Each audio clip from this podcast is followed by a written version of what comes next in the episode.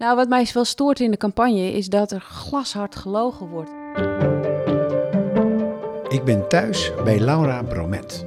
Je Zielkus zegt het allemaal met droge ogen. Nummer 11 op de kieslijst voor GroenLinks PvdA. En dat is echt de bijl aan de wortel van de democratie. Ik bezoek Laura in haar woonplaats Ilpendam in Noord-Holland. Ik laat me niet intimideren. Ik laat me echt niet intimideren. Met als co-host Gerdy Verbeet. De politie die heeft uh, heel goed werk verricht en die heeft ze opgepakt. We praten met Laura over haar werk als Tweede Kamerlid en de prijs die ze daarvoor betaalt. Ik heb wel voor mezelf bedacht, als het me te veel wordt, dan stop ik gewoon. Mijn naam is Harmen van der Veen en dit is De Binnenkamer. Thuis in de politiek. Seizoen 2, aflevering 6. Nou, omdat gewoon een volk dat voor tirannen zwicht zal meer dan lijf en goed verliezen. Dan dooft het licht. Zo.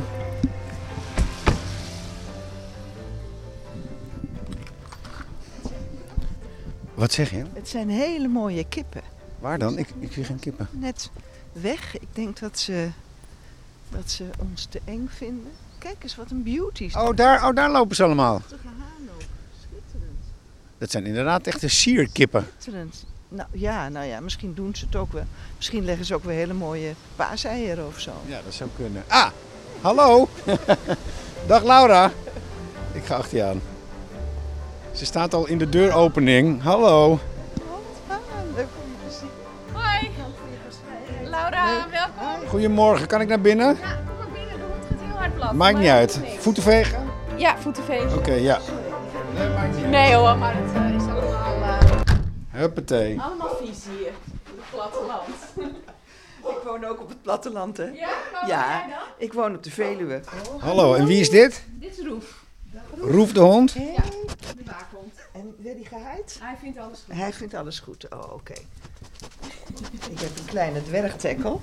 En ik noem, dit zijn echt hele grote dwergtekkel, vind ik dit. nou, mooi. Ja. Ga lekker zitten. We- we- hoe wil je het eh, allemaal neerzetten? Ik ga inderdaad een mooie, mooie setting maken met eh, mooi licht en de microfoons neerzetten. En ik zie dat je al een potje thee hebt gezet. Ja?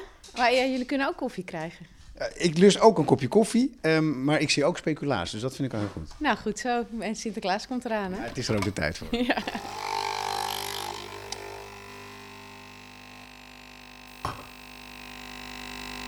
Ja, zit je goed, Gerdy ook? Jazeker, jazeker. We hebben de koffie, we hebben de thee. Heerlijk, ja. En, Hond eh, onder de tafel. Ja, en een heerlijk speculaasje. Ja, die heb je al op. Heb ik al op, Ja. ja, anders hoor je kraken. Ehm, ik vind het heel leuk om eh, bij te zijn, eh, Laura. Wij kennen elkaar niet eerder. En ook niet op het congres hebben we elkaar Nee, ontmoet. nee. Want we zijn dan eh, sinds kort, eh, ja, hoe, hoe we precies de relatie Verloofd. moeten beschrijven. Ja, ver- ja, verlo ja ben, ik ben nooit verloofd geweest trouwens. Ik ook Dat is niet. de hoor. eerste keer dan. Heb ik dat ook eens meegemaakt. Eh, Laura, wat was je aan het doen eh, toen we hier aanbelden? Nou, ik heb het een beetje netjes gemaakt natuurlijk, omdat ik wist dat jullie kwamen. En eh, ik was ook eventjes eh, naar de winkel in het dorp om speculaasjes te halen voor jullie. En- Gerdy heeft er alleen op. Ja, en eh, mijn dochter en een vriendin kwamen nog even binnen. Die gingen, een, die zijn 15, die had ik een cadeautje voor bij, de, bij, de, bij hun schoen gelegd. Omdat het toch ook Sinterklaastijd is, hebben ze uitgepakt. Hoe- En toen hoe kwamen oud zijn ze? vijf- de, de jongste is 15. En die hebben een schoen gezet. Ja, dat is eh, nostalgie. Tuurlijk. En ik doe daar gewoon aan mee, maakt mij het uit. Wat sympathiek. Ja, Dat gaat niet voorbij zoiets bij die nou, als ze niet meer wil. Ze zei, gisteren zei ze, mogen we onze schoen zetten? Ik zei, natuurlijk. Wat heb je erin gestopt? Sokken. Sokken, Ah, ah ja, praktisch, heel goed, ja. Praktisch cadeau. ja. Soppen, sokken en ondergoed. Ja. Maar dus, dat, dus, dus Sinterklaas, en dat, dat blijft eh, nog soort zo'n iets van vroeger. Dat, dat, dat, dat wil je niet vanaf. Nou, ik hou wel van feestjes vieren. Dus Ja. als, eh, ik hou ook van cadeautjes geven en eh, gezelligheid. Dus eh, ja, zolang er belangstelling is om dat te doen, dan doen we dat. Wat schattig. Want, Ja. want wat, wat, wat woont hier met jou? Hoe- Nou, hoe ik jij? woon hier met mijn echtgenoot Mhm. Albert en met onze jongste dochter, die is 15. En dan hebben we nog drie kinderen en die zijn allemaal de deur uit. Die zijn 19, 24 en 25. En die hebben allemaal hier gewoond? Ja, ook? die hebben allemaal hier gewoond. En zijn ze ook hier geboren? Of? Nee, nee, we woonden in het dorp. En Ah, daar zijn ze allemaal geboren en op een gegeven moment zijn we hier naartoe gegaan. Eh, zijn de winkels dan open hier? Ja, we hebben één winkel, dat is echt superleuk. We hebben een, eh, een eh, coöperatieve buurtwinkel, die is van het dorp. En die hebben de dorpsbewoners gezamenlijk gekocht toen in nood kwam. En die is eh, open. En eh, ja, dat is echt, eh, echt een, een lichtpunt in donkere tijden... waarin het groot winkelbedrijf eigenlijk alles opeet. Maar het is heel belangrijk voor een dorp dat je een plek hebt... waar je elkaar kan ontmoeten en waar je boodschap kan doen. En op zondagochtend hebben ze altijd verse croissantjes... en speculaasjes van de bakker. En dan is het daar een eh, komen en gaan van mensen die eh, ja, zondag aan het vieren zijn. En is dat nou ook iets wat het dorp ook bindt? Dat je samen zoiets in stand houdt? Ja, heel erg. Heel erg. Die winkel, dat is echt. eh, ja, dat, is, dat, is, dat wordt ontzettend gewaardeerd. Er is nu ook een loterij voor de kerst georganiseerd. Dan kun je loten kopen. En dan zijn er allerlei andere bedrijven in het dorp die dan de prijzen ter beschikking stellen. En van de opbrengst worden er dan energiezuinige koelkasten aangeschaft voor de winkel. Ja. Dus ja, dat vind ik En jij staat, bent hier natuurlijk bekend eh, vanwege je eh, politieke opvatting en je maatschappelijke opvatting. Ja, Helpt jou nou ook dat- dat deelnemen aan die coöperatie? Want ik neem aan dat je ook, een, dat je ook lid bent ja van de zeker. Vriend van de winkel. Ja. Vriend van de winkel, om, om zeg maar toch ook de, het, het gesprek op gang te houden in het dorp. Niet, niet een, Nou, of het word je met een gesprek. scheve oog aangekeken? Nee hoor, nee. Ja, tuurlijk. Kijk, eh, er wordt soms heel romantisch gedacht over dorpen. Dat het, eh, dat het eh, samenlevingen zijn waar iedereen eh, eh, vriendschappelijk met elkaar omgaat. En dat is gewoon niet zo. Dus er zijn altijd groepen in een dorp. En dat weet ik omdat ik hier mijn hele leven woon. En ik zit in een groep eh, ja, waar ik het heel prettig mee heb. Maar er zijn ook groepen die hebben een schurftekel aan me. ja, en hoe uiten ze dat? Of hoe weet je dat? Nou, dat weet ik omdat, eh, omdat ze dat bijvoorbeeld op de sociale media zeggen. Of omdat er in het café over gepraat wordt. Maar niet in je gezicht. Meestal niet. Ik heb wel één keer gehad, maar dat was, toen was ik nog niet in de politiek. Maar toen hadden ze een hekel aan mijn vader. Toen was er iemand die niet had op zondagochtend het hele dorp eh, volgehangen met posters weg met bromet. Nou zeg, Ja, dat was heel naar. En toen ben ik maar mijn- waarom? Ja, ja, ja eh, jaloezie of ik weet niet. Maar waarom, Jaloes? Nou, ze zeiden die Bromet die koopt hier alles op. Hij had het oude gemeentehuis had hij gekocht als bedrijfspand. En eh, ik denk dat er een soort sentiment achter zat van alles verdwijnt hier. En dan wordt het door een eh, particulier gekocht. En dat was dan mijn vader. Ja, en jouw vader is Frans Bormet, de filmmaker. Ja, ja. Ehm, die is best wel bekend eh, door, Ja. door documentaires die overigens altijd heel grappig, geestig en ook soms wel wat pijnlijk zijn. ja. Ook over burenruzies heeft Ja, hij ooit wel iets zeker. gemaakt, maar dat is dus uit het leven gegrepen. Omdat jullie Ja. uit zo'n kleine gemeenschap komen. Dat, dat kan heel scherp eraan toe gaan. ja, zeker. Dus mijn vader heeft ook vaak ruzie met de buren gehad. Oh. Eh, ik hou daar niet zo van. Dus ik ben altijd wel een beetje van het verzoenende geweest. Maar ik heb hier ook wel dingen meegemaakt. Bijvoorbeeld de, de smid hier in het dorp, die wil, daar mag ik niet meer komen. Omdat, we, omdat ze hun klanten pikken niet dat eh, ik daar koop. Omdat hun- mijn opvattingen hun niet bevallen. En dat is dan politiek. Ja, Wij reden hierheen, Gerdy. Het is echt heel heftig, hè? Dat Het is echt heel, heel, heel, heftig. Ja. heftig. Dat, eh, Ja. dat, dat verwacht je eigenlijk niet, hè? want we zijn toch een land van plooien en schikken. Maar we kwamen hier inderdaad langs Ja. eh, een, prachtige boerderij met een hele grote Groene. BBB-vlag Ja, bij de buren. Ja. bij de buren. Nou, daar ben ik prima mee, hoor. Ja, tuurlijk. Nee, Ja. maar we hebben onze buren op de Veluwe hebben ook eh, natuurlijk heel... Dat, dat, dat moet je ook doen, want Ja. het zijn toch ook je buren. En ja, het is een democratische partij, dus het, Zeker, eh, ja. dat moet ook kunnen. Ja. En, eh, maar eh, heb je dan niet het, het idee van... ik hang ook een hele grote Ja. GroenLinks PvdA-vlag of twee? Of, Nou, eh, nee, ja, eh, ik heb ze wel opgehangen, maar ik heb ze op het kantoor van mijn vader gehangen, want eh, ik wil liever anoniem blijven. Ik wil niet dat iedereen ziet dat ik hier woon. Maar iedereen weet toch wie je bent en waar je Ja, woont maar ik wil het niet, ik wil het niet, eh, Nee, snap ik. wil niet de kat op het spek binden. nee, nee. Want oké, want zo gevoelig ligt het dus toch wel. Juist als je je ook wel... Nou ja, ik heb vorig jaar in die hete strijd met de boeren, heb ik ook hier boeren op het erf gehad. Die hebben mijn hele erf volgestort met kuilgras en plastic. En dat is gewoon heel naar als je thuis, eh, terwijl je kinderen erbij zijn, eh, geïntimideerd je hebt ze wordt. hier gehad, hier op de... Ja, waar- hier op, de, hier op de oprit. En ken je dan die boeren ook? Nee, ik kende ze niet. Ik zag het wel gebeuren. Ik stond daar in de tuin. Het was een mooie zomeravond. En ik hoorde twee trekkers aankomen. Ik was al een beetje alert. En ik zie ze zo achteruit het erf oprijden met hele grote karren vol met eh, kuilgras en Ja. plastic. En ze storten het de, en ze rijden weg. En wat vind je daar? en mijn man die zei, kom we rijden erachteraan. Maar de auto's waren helemaal geblokkeerd, dus dat kon niet. Eh, Maar wat, wat, wat dat was voel echt je? Wat- verschrikkelijk. ja. Nou ja, ja, dat voelt... ehm, ook boos, denk ik. Tenminste, ik zou ook wel een beetje boos zijn. Nou, ik weet het niet. Ja, ik, ik wist niet zo goed wat ik moest doen. Ik, ik had al speciaal... eh, ik belde altijd al... eh, of ik kon altijd de politie bellen op elk moment. Dus kwamen ze meteen. En dus ik belde als eerste de politie. En die kwamen ook. En eh, de, buren, eh, de buren, die ook boer zijn... die hebben geholpen om het weg te halen. De, Dus- de, de, de, de- Niet die BBB-vlag, maar een andere boer. Ja. Oké, dus die, en die hielp Dus die- jou, Die hè? belde ik. Ik zei, ik heb je hulp nodig, want het hele pad ligt vol... en ik wil dat het zo snel mogelijk weg is. En die heeft geholpen. En die vond het ook niks waarschijnlijk. Die vond het vreselijk. En die Ja. zei, ik help je graag, maar ik ben blij dat eh, niet iedereen het ziet. Maar Laura, dit, dit, dit overkomt jou om- omdat je bent wie je bent, maar ook om, om, om wat je doet. Namelijk, je profileert je als politicus. Je, je, hebt opvattingen over groen en, en hoe de boeren eh, en, en, nou, moeten boeren. En dan krijg je dat. Dat is wel een hoge prijs. Ja, maar het verhaal is nog niet afgelopen. Vertel. Want ehm, de politie die heeft eh, heel goed werk verricht en die heeft ze opgepakt. En, eh, ik, en de politie heeft aan mij gevraagd, wil je met deze jongens in gesprek gaan? En dat heb ik gedaan na een aantal weken. Ik dacht eerst even bijkomen en dan eh, ga ik ook met ze praten. Want ik vind uiteindelijk ben ik in de politiek gegaan om de strijd te voeren met woorden en niet met geweld. En dat wilde ik gewoon aan ze vertellen. En ook vertellen van ja, je kunt van mening verschillen, maar praat dan. In plaats van eh, je trekken volladen met rotzooi en het dan bij iemand op de stoep gooien. Nou, allereerst zeiden ze, het was niet tegen jou gericht, het was tegen de politiek gericht. En we wisten toevallig waar jij woonde, dus dat was, dat was één. En het tweede was, ze hadden geen spijt.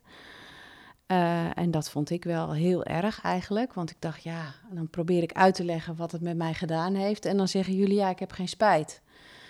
Maar ehm, ja, het waren gewoon hele jonge jongens van twintig die het niet snapten. Maar, eh, maar dan ook, oh, ze, doen ook niet hun best om zich te verplaatsen in jou. Dat nee, meer- zat er niet in. Nee. Nee. Maar toen, toen dacht ik, eh, de- bij hun zit het er niet in, maar bij een heleboel andere boeren zit het er wel in. En toen heb ik eh, aan eh, Trouw voorgesteld om een correspondentie te gaan voeren, openbare correspondentie met een boerin, die er dus niet hetzelfde over dacht als ik, over de veranderingen die in de landbouw plaats moesten vinden. Maar om dan juist aan het brede publiek te laten zien van als je met elkaar praat over wat er aan de hand is, dan kun je ook oplossingen verzinnen samen. En dat hebben we gedaan. Dus ik heb met een boerin, Am- Amber, een jonge boerin hier ook uit de buurt. Ik heb nog met de vader in de klas gezeten vroeger. Heb ik eh, eh, zes weken lang gecorrespondeerd in, eh, in de krant. Daar kon iedereen over meelezen. En dat heeft me echt een heel goed gevoel gegeven. Heb ik ook leuke reacties op gehad. En toen dacht ik, nou ja, dat is dan uiteindelijk uit dat incident voortgekomen. Dus het begon met, ik ga de politiek in om de strijd met woorden te voeren. Eh er komt dan eh, iemand die eh, overtreedt regels. Dat zijn die jongens die hier op mijn erf zijn geweest. Maar uiteindelijk kan ik het gewoon met zo'n boerin... eh, ja, weer op de manier doen zoals ik het wenselijk vind. En zij heeft me ook laatst weer uitgenodigd voor een eh jongere boerencongres in eh, België. Dus we hebben nog steeds contact. En ja, dat, dat voelt heel goed. Dus, En- ja, dus de reden en het woord overwint dan gelukkig hier. Voor mij wel, ja. ja. Ja. Want toen, eh, toen dat, dat filmpje wat ik van jou zag op, eh, op YouTube, meen ik, uit 2021 zeg ik uit mijn hoofd. Waar, dan zit je in een roeiboot en dan, eh, eh, dan zeg je ook eigenlijk dat, dat jij in, in samen met de boeren wil komen voor, eh, naar, naar nieuw beleid voor, eh, voor de agrarische sector.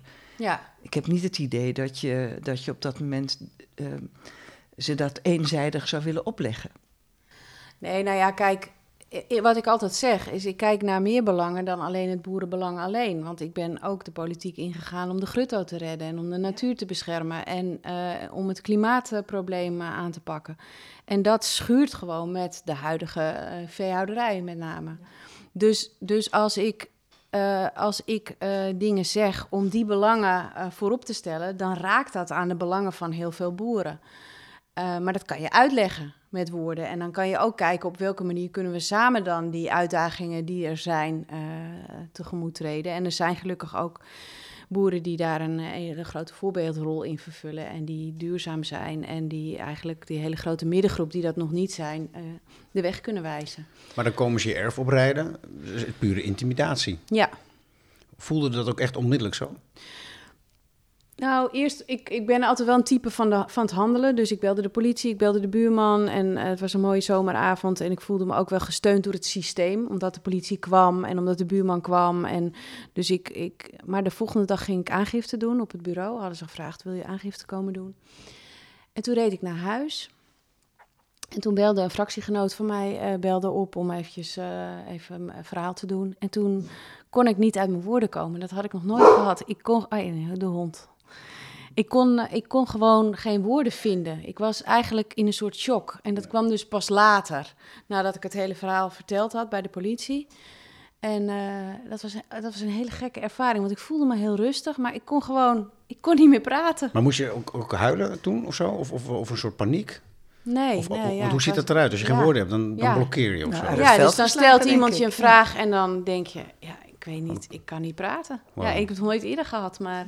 Maar dan hebben ze je dus eigenlijk een soort van nou, monddood gemaakt even, kortstondig. Nou, het mooie was met wel, ik heb het, kijk, het was, eh, ik dacht, als ik dit meteen aan de grote klok hang, dat dit gebeurd is, dan zit ik vanavond in een talkshow. En daar heb ik helemaal geen zin in en dat gun ik ze ook niet. Dus wij hebben het heel stil gehouden. Ik heb het wel verteld op de fractie, maar voor de rest, het was reces en ik ben op vakantie gegaan en... eh, er is helemaal geen aandacht voor geweest. Dus die, volgens mij hebben die jongens op een gegeven moment zelf de krant gebeld. En de krant ging het mij bellen om te verifiëren. En nou ja, geen antwoord op gegeven. Dus het werd zo'n berichtje in de krant. En Ter- niemand, terwijl jij wel op, op Twitter eh, af en toe eh, laat zien hoe je leven loopt. Maar deze doe je dan niet. Nee, ik ben even van Twitter afgegaan en ik, ben, ik heb er eventjes helemaal niks over gezegd. Ik heb het later wel in de begrotingsbehandeling, toen, de, toen, het, eh, toen, eh, eh, toen het wat minder precair was allemaal, heb ik het wel verteld. Dus Ja. het is helemaal geen geheim. Maar het was wel grappig, want toen ik op het politiebureau zat om met die jongens te praten, toen zei ze, ja, je hebt het wel slim gedaan om het stil te houden. Dus het was ook echt met name hun bedoeling dat ik het, dat ik het groot zou maken. En... Maar dan ga je de politiek in, wat je zegt, eh, met die idealen, de grutto, eh, groene natuur. ja. En dan eindig je in ieder geval ook op een politiebureau. Dat dus burgers, andere burgers, het zo zat met jou zijn. ja, Dat zie je dus intimideren en eh een troep op je erf gooien. ja. Maar was je dan niet... Ik bedoel, dat, dat raakt dieper dan alleen maar dat ze in je, in je buurt komen. Het gaat ook echt over, over jouw zijn als politicus. En, en de poging om jou daarmee te, klein, ja, te maar, kleineren. of- maar er komt dan wel bij mij een soort strijdbaarheid los. En ik laat me niet intimideren. Ik laat me echt niet intimideren. komt dat vandaan? Nou, omdat gewoon een volk dat voor tirannen zwicht... zal meer dan lijf en goed verliezen. Dan dooft het licht. En dat is, en dat is echt, eh, dat is mijn motto. En ik heb, ik heb gewoon een heel groot geloof in de democratie. Echt een heel groot geloof. En... eh, Tot welke prijs? nou, kijk, tot welke prijs? Als het, ik heb wel voor mezelf bedacht, als het me te veel wordt, dan stop ik gewoon. Dan zwicht je. Nou, ja, Time out. dan, dan, dat weet ik niet. Ja. Maar ik, ik, ik laat mijn leven er niet door verpesten. Dus ik ben, ik ben strijdbaar. Ik ben... eh, hij mag wel even naar buiten. Ja, De hond, eh, Roef. ja. Hij wil, kennelijk, hij wil kennelijk naar buiten. Ja. Hup, dan moet hij ook. Ja. Ja, dat moet hij ook.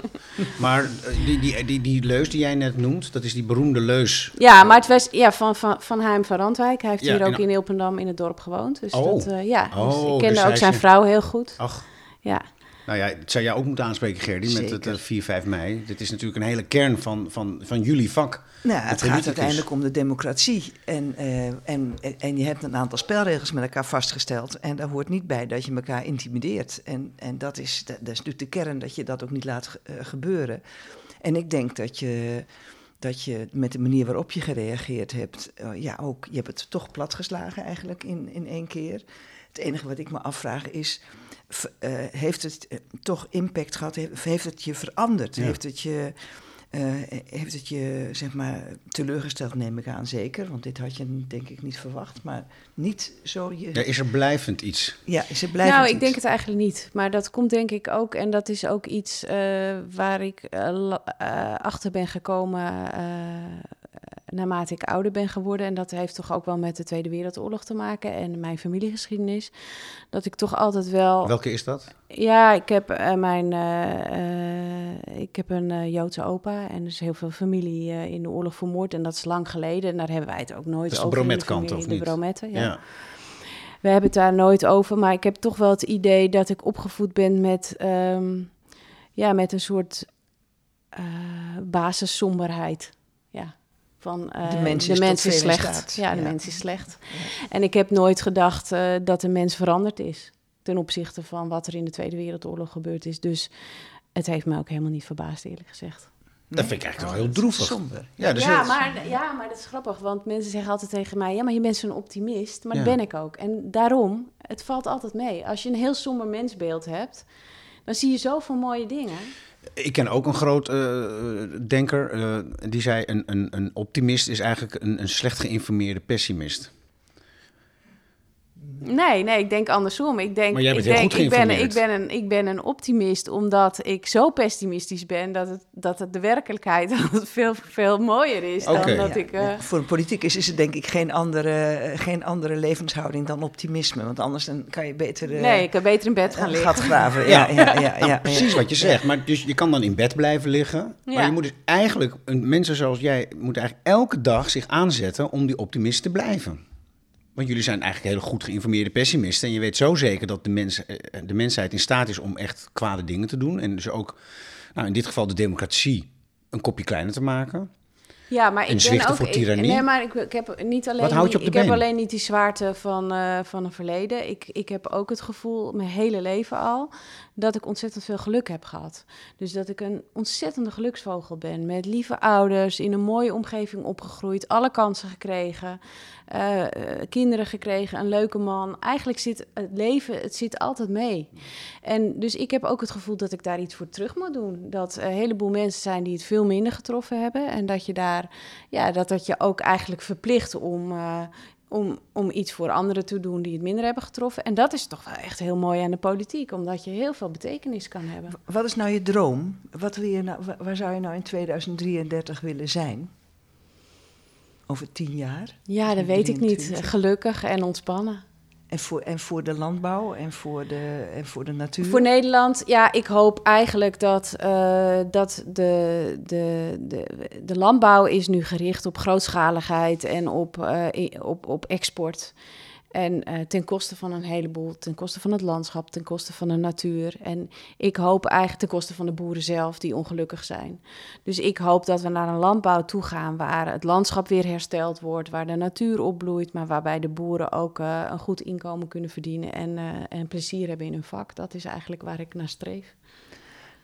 Dat begrijp ik, maar denk je dat je, en dat, dat vind ik ook, dat waardeer ik ook, maar denk je dat er op dit moment voldoende eh, handelingsperspectief is voor boeren om te weten waar ze naartoe moeten? Nee, is er niet. Nee. Moeten dat wij ze ook- dat niet geven? Ik zeg Ja, nu wij, wij als Ja. oud-politicus. Ja, dat moeten we zeker geven. Dat is ook mijn groot eh, kritiekpunt op, eh, op het kabinet, kabinetsbeleid van de afgelopen jaren. Ik heb, er is geen perspectief geboden. Er is alleen maar ruzie gemaakt over wat er wel of niet moet gebeuren. Er is één uitkoopregeling gekomen. Maar voor de blijvers is er geen enkele, enkele perspectief vanuit de overheid geschetst. Ik heb vorig jaar bij de begrotingsbehandeling heb ik ook iets van 16 perspectieven opgenoemd. Ik zei, er kan zoveel, je kan zoveel doen eh, om boeren te helpen om die omslag te maken. Maar eh, ja, eh, het kabinet doet het niet. Nee, dus in die zin is, is toch, vind ik, eh, zonder ze te willen verdedigen, eh, die frustratie van jonge boeren ook wel te begrijpen.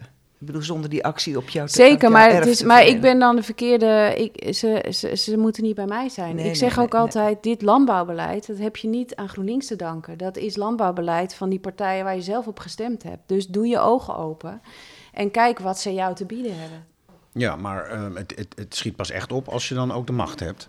Ja, zeker. Daar ben ik deze ook van overtuigd. Maar dan moeten jullie deze verkiezingen winnen. Ja, we moeten echt de grootste worden. Want ik vind ook, zeker voor GroenLinks, wij hebben nog nooit, eh, wij hebben nog nooit in Den Haag meebestuurd. Wij zitten in alle provinciebesturen, in alle gemeentebesturen. Ik ben zelf ook wethouder geweest. Ik weet hoeveel je voor elkaar kan krijgen als je zelf aan de knoppen zit. En wij zijn 35 jaar oud, dus het wordt echt hoog tijd dat wij eh, verantwoordelijkheid nemen. En dan nu samen met de Partij van de Arbeid, die daar natuurlijk al veel meer ervaring mee heeft. En dat is echt wel iets wat mij enorm drijft. Dus ik zou het, ik zou het echt een hele grote teleurstelling vinden als, eh, als wij weer in de oppositie terechtkomen.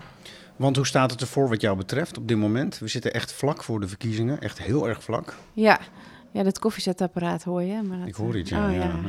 Iets met Ja, een eigen dat leidt een eigen leven. Ja. Ehm, Ja, eh, we hebben gisteren een peiling van uh, Maurice de Hond gezien, waarin de twee grootste partijen, de PVV en de VVD, zijn. En wij uh, als uh, GroenLinks PvdA daar vlak achter zitten. Nog drie zetels en dan zijn we ook even groot. En wij gaan de, de, komende dagen gaan wij alles op alles zetten om de grootste te worden. En het initiatief te hebben bij de formatie, zodat we uh, deel kunnen nemen aan een kabinet wat uh, niet rechts is. Dus echt, echt, ik zag die peiling gisteren. Ik dacht, ik moet toch echt niet aan denken aan die tijd van Rutte 1, waarin Henk Bleker het hele natuurbeleid kapot maakte, waarin er ja, tegenstellingen in de samenleving uitvergroot werden. Dat is niet het land waar ik in wil leven. Ik wil een land waarin we met elkaar uh, proberen om het mooier te maken, waar, waar plaats is voor, voor meningsverschillen, maar waar we de zwakkeren uit... helpen. Ja. En, ja. Maar het ziet er nou uit dat nu de PVV enorm aan het stijgen is. Ja. Uh, mede misschien wel dankzij de belofte of het wenkend perspectief wat uh, Jezus geboden heeft. Ja. Dat ze eventueel mee zouden kunnen. En dat willen ze nu ook. Ze willen ook gaan zitten in een, in een, in een regering. Ja. Uh, je kijkt heel zorgelijk. Ja, ik vind het verschrikkelijk. Ik zou het echt verschrikkelijk vinden als onze premier Geert Wilders is. Dan moet ik niet aan denken. Dat is, het is, hij is maar de denk er toch maar even aan nu. Ja, ik denk eraan. Hij is de voorman van een, uh, van een partij die hele groepen mensen uitsluit. En die, uh, ja... Het is geen partij. En het is ook geen partij, het maar is het een spreekt blijkbaar een grote groep Nederlanders aan. En het verhaal van uh, jouw verhaal eigenlijk misschien niet genoeg. Nou, wat mij wel stoort in de campagne is dat, en dat is ook niet alleen de PVV, maar ook de VVD, dat er gewoon leugens verteld worden. Dus dat er glashard gelogen wordt over van alles en nog wat. Dat er gelogen wordt over wat wij uh, van plan zijn. Klopt gewoon niet. Uh, aantoonbaar. En Jezielkus zegt het allemaal met droge ogen.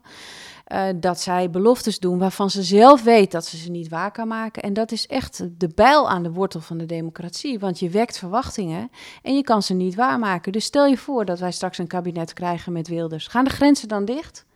Nee, dat kan helemaal niet. Maar het wordt wel beloofd. Dus er lopen mensen achteraan die denken: ja, wij kunnen, we gaan nu wilde stemmen en dan wordt straks alles anders. Maar dat gaat jullie, niet gebeuren. Maar als jullie nu het, het echte eerlijke verhaal zouden hebben, um, dan slaat dat blijkbaar niet genoeg aan. En dan sta je daar toch als toeschouwer nu te kijken. Nou ja, ik dacht daar gisteren aan. Hè? Ja. Ik dacht, moet ik me dan ook verlagen tot leugens om deze strijd te voeren? Ik ga dat niet doen. Ik vind echt, ik, ik dat, dat, dat gaat mij nou weer te ver. Maar wat moet, wat moet of wat wil je nu wel doen? Want de paniek is uh, in je ogen te zien. Ja, nou, ik geloof dat er een heleboel mensen zijn die ook niet willen dat wij zo'n samenleving krijgen waarin uitsluiting uh, Hoe krijg je die nog achter is. jullie dan? Want het gaat wel om dat grotere linkse blok. Want Ja, links nou, is ik ook... zit nu in de podcast. Ik hoop dat heel veel mensen dit verhaal lu luisteren. We hebben 50 kandidaten en we hebben een fractievoorzitter of een, uh, een uh, lijsttrekker die dit verhaal ook zal vertellen in de debatten. Dit is, het is nu of nooit, alles of niets. Dus de kiezers moeten nu echt op ons gaan stemmen. Maar is het niet zo dat, dat onze partij, hè, zeg ik in dit geval,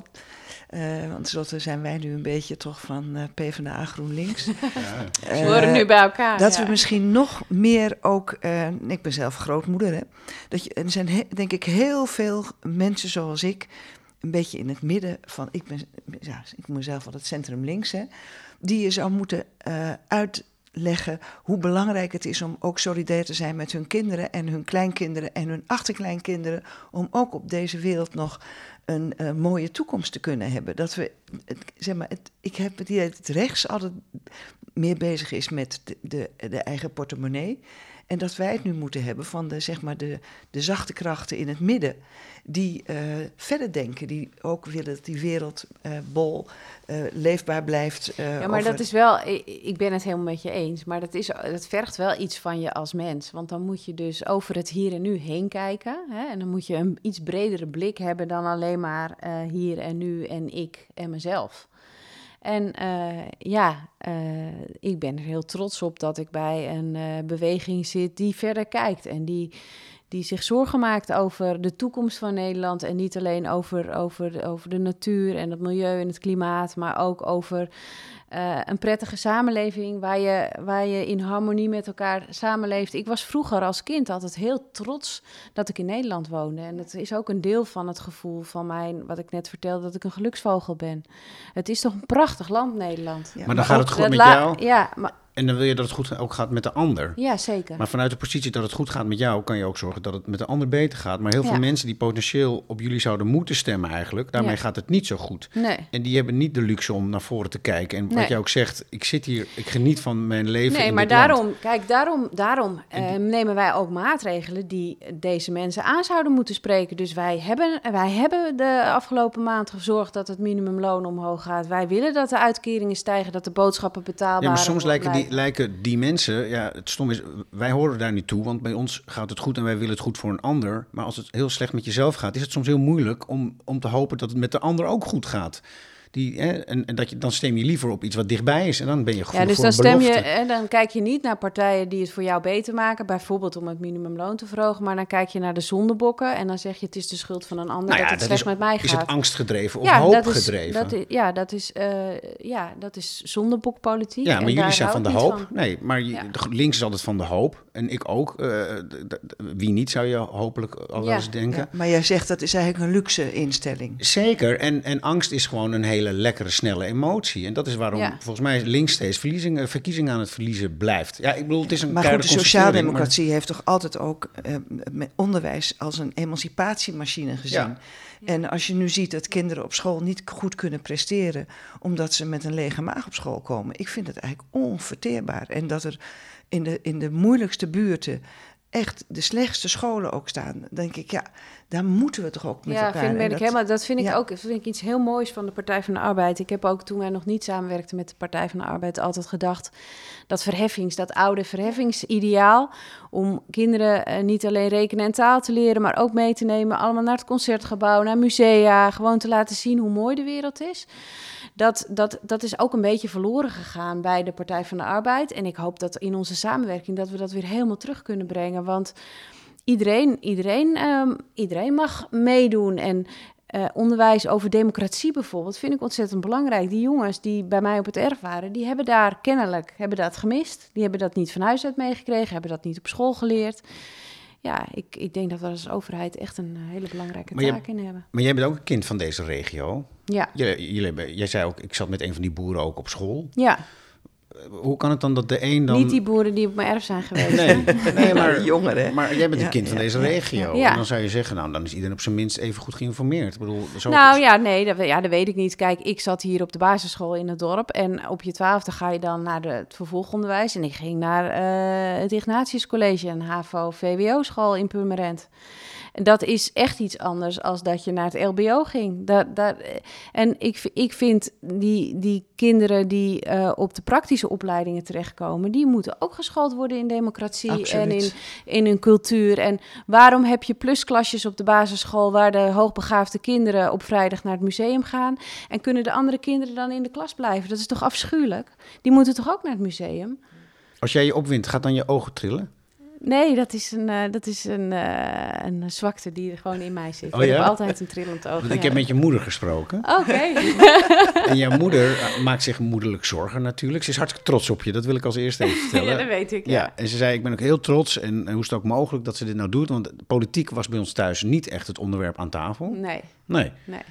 Mijn oma wel. Maar, ja. Ja. Dus, du- dus het komt echt uit jezelf. Ja. Maar, zei ze ook, ehm, als, als Laura dan hard werkt en moe is, dan, ehm, ja, dan krijgt ze ook wat lichamelijke gebreken en zo. En dat bibberoog is iets waarvan jij zelf ook denkt, wat is dat? Of niet? ja, ik ben een hypochonder. Ja. Dus ik denk altijd, als er iets is met mij, dan denk ik, oh, ik, heb, eh, ik ga dood. Dus het is eigenlijk weer diezelfde negatieve inslag dat Ja. het einde nabij is. En eh, ik, ben, eh, ik sta bekend als zeer stressbestendig, maar het gaat toch wel ergens in zitten, de stress, en dat is in mijn lijf. Ja, Ja, dat is in je lijf en je, en je precies. En Ja. je, je hoofd en lijf. Ja. ja. En dan, en, en, en dan leid je dus aan hypochondrie. Dat is Ja, het. dus dan, moet ik, weer, dan moet ik me weer gerust laten stellen door een specialist. Ik ben onlangs bij de neuroloog eh, geweest, omdat ik echt van overtuigd was dat ik doodging. Maar hij zei, nee hoor, niks aan de hand, het is gewoon stress. Je dacht echt dat je echt... Nou ja, kijk, ik weet niet, ik denk dat mensen dat wel herkennen. Dat als je, nou, ik weet niet, ik zei tegen de huisarts eerst, ik zei, ja, ik, eh, ik denk dat ik misschien wel ALS heb. En toen, toen zei ik, maar dat denkt natuurlijk iedereen. Toen zei ze, nee hoor, dat denkt niet iedereen. Ik dacht dat iedereen dat dacht, dat als je allerlei trillingen hebt, dat je dan meteen... eh, Ja. ALS hebt. Ja, ja. Het is wel, een, Gelukkig wel iets eh, om, om wel eh, serieus te nemen. Dat je voldoende tijd voor jezelf neemt. Hè. Dus na die campagne moet je echt weer een echt plan eens maken even een, eh, om eh, af en toe ook nee zeggen. Ja, Ja, echt af en toe nee zeggen. Mensen begrijpen dat best. ja, ja. Dat je niet altijd beschikbaar kunt zijn. Dat willen ze zelf ook niet. Nee, nee. Nou, misschien moet ik je nog eens bellen dan. Ja, tips. moet je, moet je zeker doen. Dat zou ik Nou meer, dan één reden heel leuk vinden. Ja. kan het weten, ja. Want je, je hebt nooit bij... Met, als, als, toen zij voorzitter was, was jij er nog helemaal niet, hè? Nee. Dat is, Nee, Nee, nee, nee, nee. nee, Maar ik, was, ik ben toen ik zelf stopte als voorzitter, ik was zo ontzettend moe. Ik kon echt niet meer, omdat je gewoon altijd aanstaat. En, en eh, ja, dat is gewoon pittig. Dus ik weet wel... eh, Ik had, eh, we, wij maken altijd zo'n jaarplan, wat ga je het komende jaar doen? En ik had iets heel slims in mijn jaarplan gezet. Ik had namelijk gezegd, in de recessen wil ik vergeten dat ik Kamerlid ben. Want dat, dat heb ik dan nodig. Alleen, het punt is dat in de recessen gebeurt ook heel vaak wat. Dus dit reces, dit zomerreces, heb ik het niet kunnen vergeten. Want toen moesten we hè, weer solliciteren om op de lijst te komen. Het verkiezingsprogramma moest gemaakt worden. Ehm, het herfstreces is geschrapt. Het kerstreces, nou, er zal ook wel niet zoveel van komen, want we moeten natuurlijk eh, ja, aan die formatie gaan werken. Dus het, het gaat dag en nacht door. En als je de radio aanzet in de auto, dan gaat het over je werk. En je moet altijd iets vinden. Maar En- wat doe jij dan om toch er afstand van te nemen? nou, ik ben, eh, ik ben aan het wandelen naar, eh, van Hoek van Holland naar Niest over de Grande Randonnée nummer 5. Van Hoek van Holland naar Nice? Ja, dat is 3000 kilometer. Ja. En eh, dat doe ik in etappes. En eens in de paar maanden dan loop ik een stukje. En dan met een vriendin. En zij zit ook helemaal niet in de politiek. En dan, dan loop ik alleen maar door de natuur. En dat is echt heel weldadig. Maar jullie zouden, vind ik, als Kamer eh, elkaar ook een beetje moeten beschermen. Want ik heb daar wel met enige zorg gezien hoeveel mensen eruit vallen. Dus ik denk dat je daar gewoon afspraken over moet maken. Dat je af en toe gewoon eh, echt een lege week hebt. Daar heb je gewoon recht op. En hoe bedoel je dan? Nou, dan moet, dan moet iedereen zich een beetje. Dat, heeft ook te maken met collegialiteit in de Kamer. Nou, wij hebben dat wel in de GroenLinks-fractie heel goed Ja. gedaan. Dan hebben we dan de, het recesregime. Dus het is ook echt de bedoeling dat je je rustig houdt in het reces. En niet alleen voor de Kamerleden, maar ook voor de medewerkers. Want die werken ook allemaal heel Maar dat erg zou hard. je kamerbreed moeten doen. Ja, En dat moet, dat, dat, dat moet nou de komende voorzitter, moet je Ja. daar eens op eh, Ja. bevragen. ja. Hoe die eh, ook als organisatie helpt om het een beetje... Ja, want het, is, het verloop is ongelooflijk. En dat Ja. is echt ook heel slecht voor de democratie. Ja, Maar want jij ik- gaat door. ja, ik ja, en ook met enthousiasme las ik. Nou ja, kijk, weet je, de, het gemiddelde zittingsduur is ongeveer vijf jaar en drie maanden nu van een Kamerlid. En dat is veel te kort, Veel te want kort. de Kamerleden die goed zijn, die zitten er allemaal veel en veel langer. Ik zit er nu vijf jaar en drie maanden, dus ik dacht, ik moet langer daar zitten om nog beter te worden. En, eh, en ik wilde er natuurlijk bij zijn om bij die eerste historische fractie van GroenLinks PvdA te zijn. Ik dacht, daar wil ik wel bij zijn. Ja, Ook dat. En, het, en, en ik neem aan dat je ook hoopt dat, dat je dat nog meemaakt dat jullie de grootste. Dat houdt je denk ik ook wel eh, dat je. De grootste en dat we ook eh, mee gaan regeren en Ja. dat we echt wat gaan veranderen in Nederland. en, en vraag je ook aan je kinderen eh, en je vrienden om ook eh, actief te lobbyen voor eh, GroenLinks PvdA. Nou ja, we hadden zo'n eh, eh, op de sociale media vijf tips voor jongeren om te gaan stemmen. Dus dat stuur ik dan wel door. En dan zeg ik, dan moeten jullie doorsturen. Maar ze laten zich niet zoveel vertellen door mij. Hoor. ze stemmen wel op me. dan. Ja, dat deden ze bij mij ook altijd wel. Ja. Maar het zou wel goed zijn als in die samenleving het gesprek over dit soort thema's wel actiever zou zijn. Ja, Dat je mensen toch ook, ja, ook die je gewoon in de tram tegenkomt of op de tramhalte, dat je staat te wachten, dat je toch ook met elkaar een gesprek over Ja. politiek begint. En ook dus om electorale steun zou zeker, vragen. zeker. Nou weet je, het was wel leuk. Ik zat een keer in de bus hier naar huis. En toen eh, bij het uitstappen stopte er een vrouw die ik vaag kende, stopte een briefje in mijn hand. En ze had erop geschreven...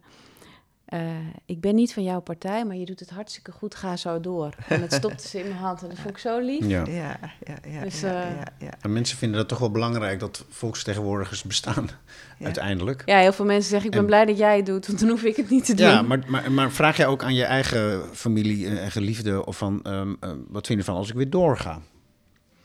Is dat een, iets, een gesprek geweest tussen jou en je man en je kinderen? Of je moeder en je vader notabene? Eh, Nee, helemaal niet eigenlijk. Nee, nee, nee, heb ik zelf besloten.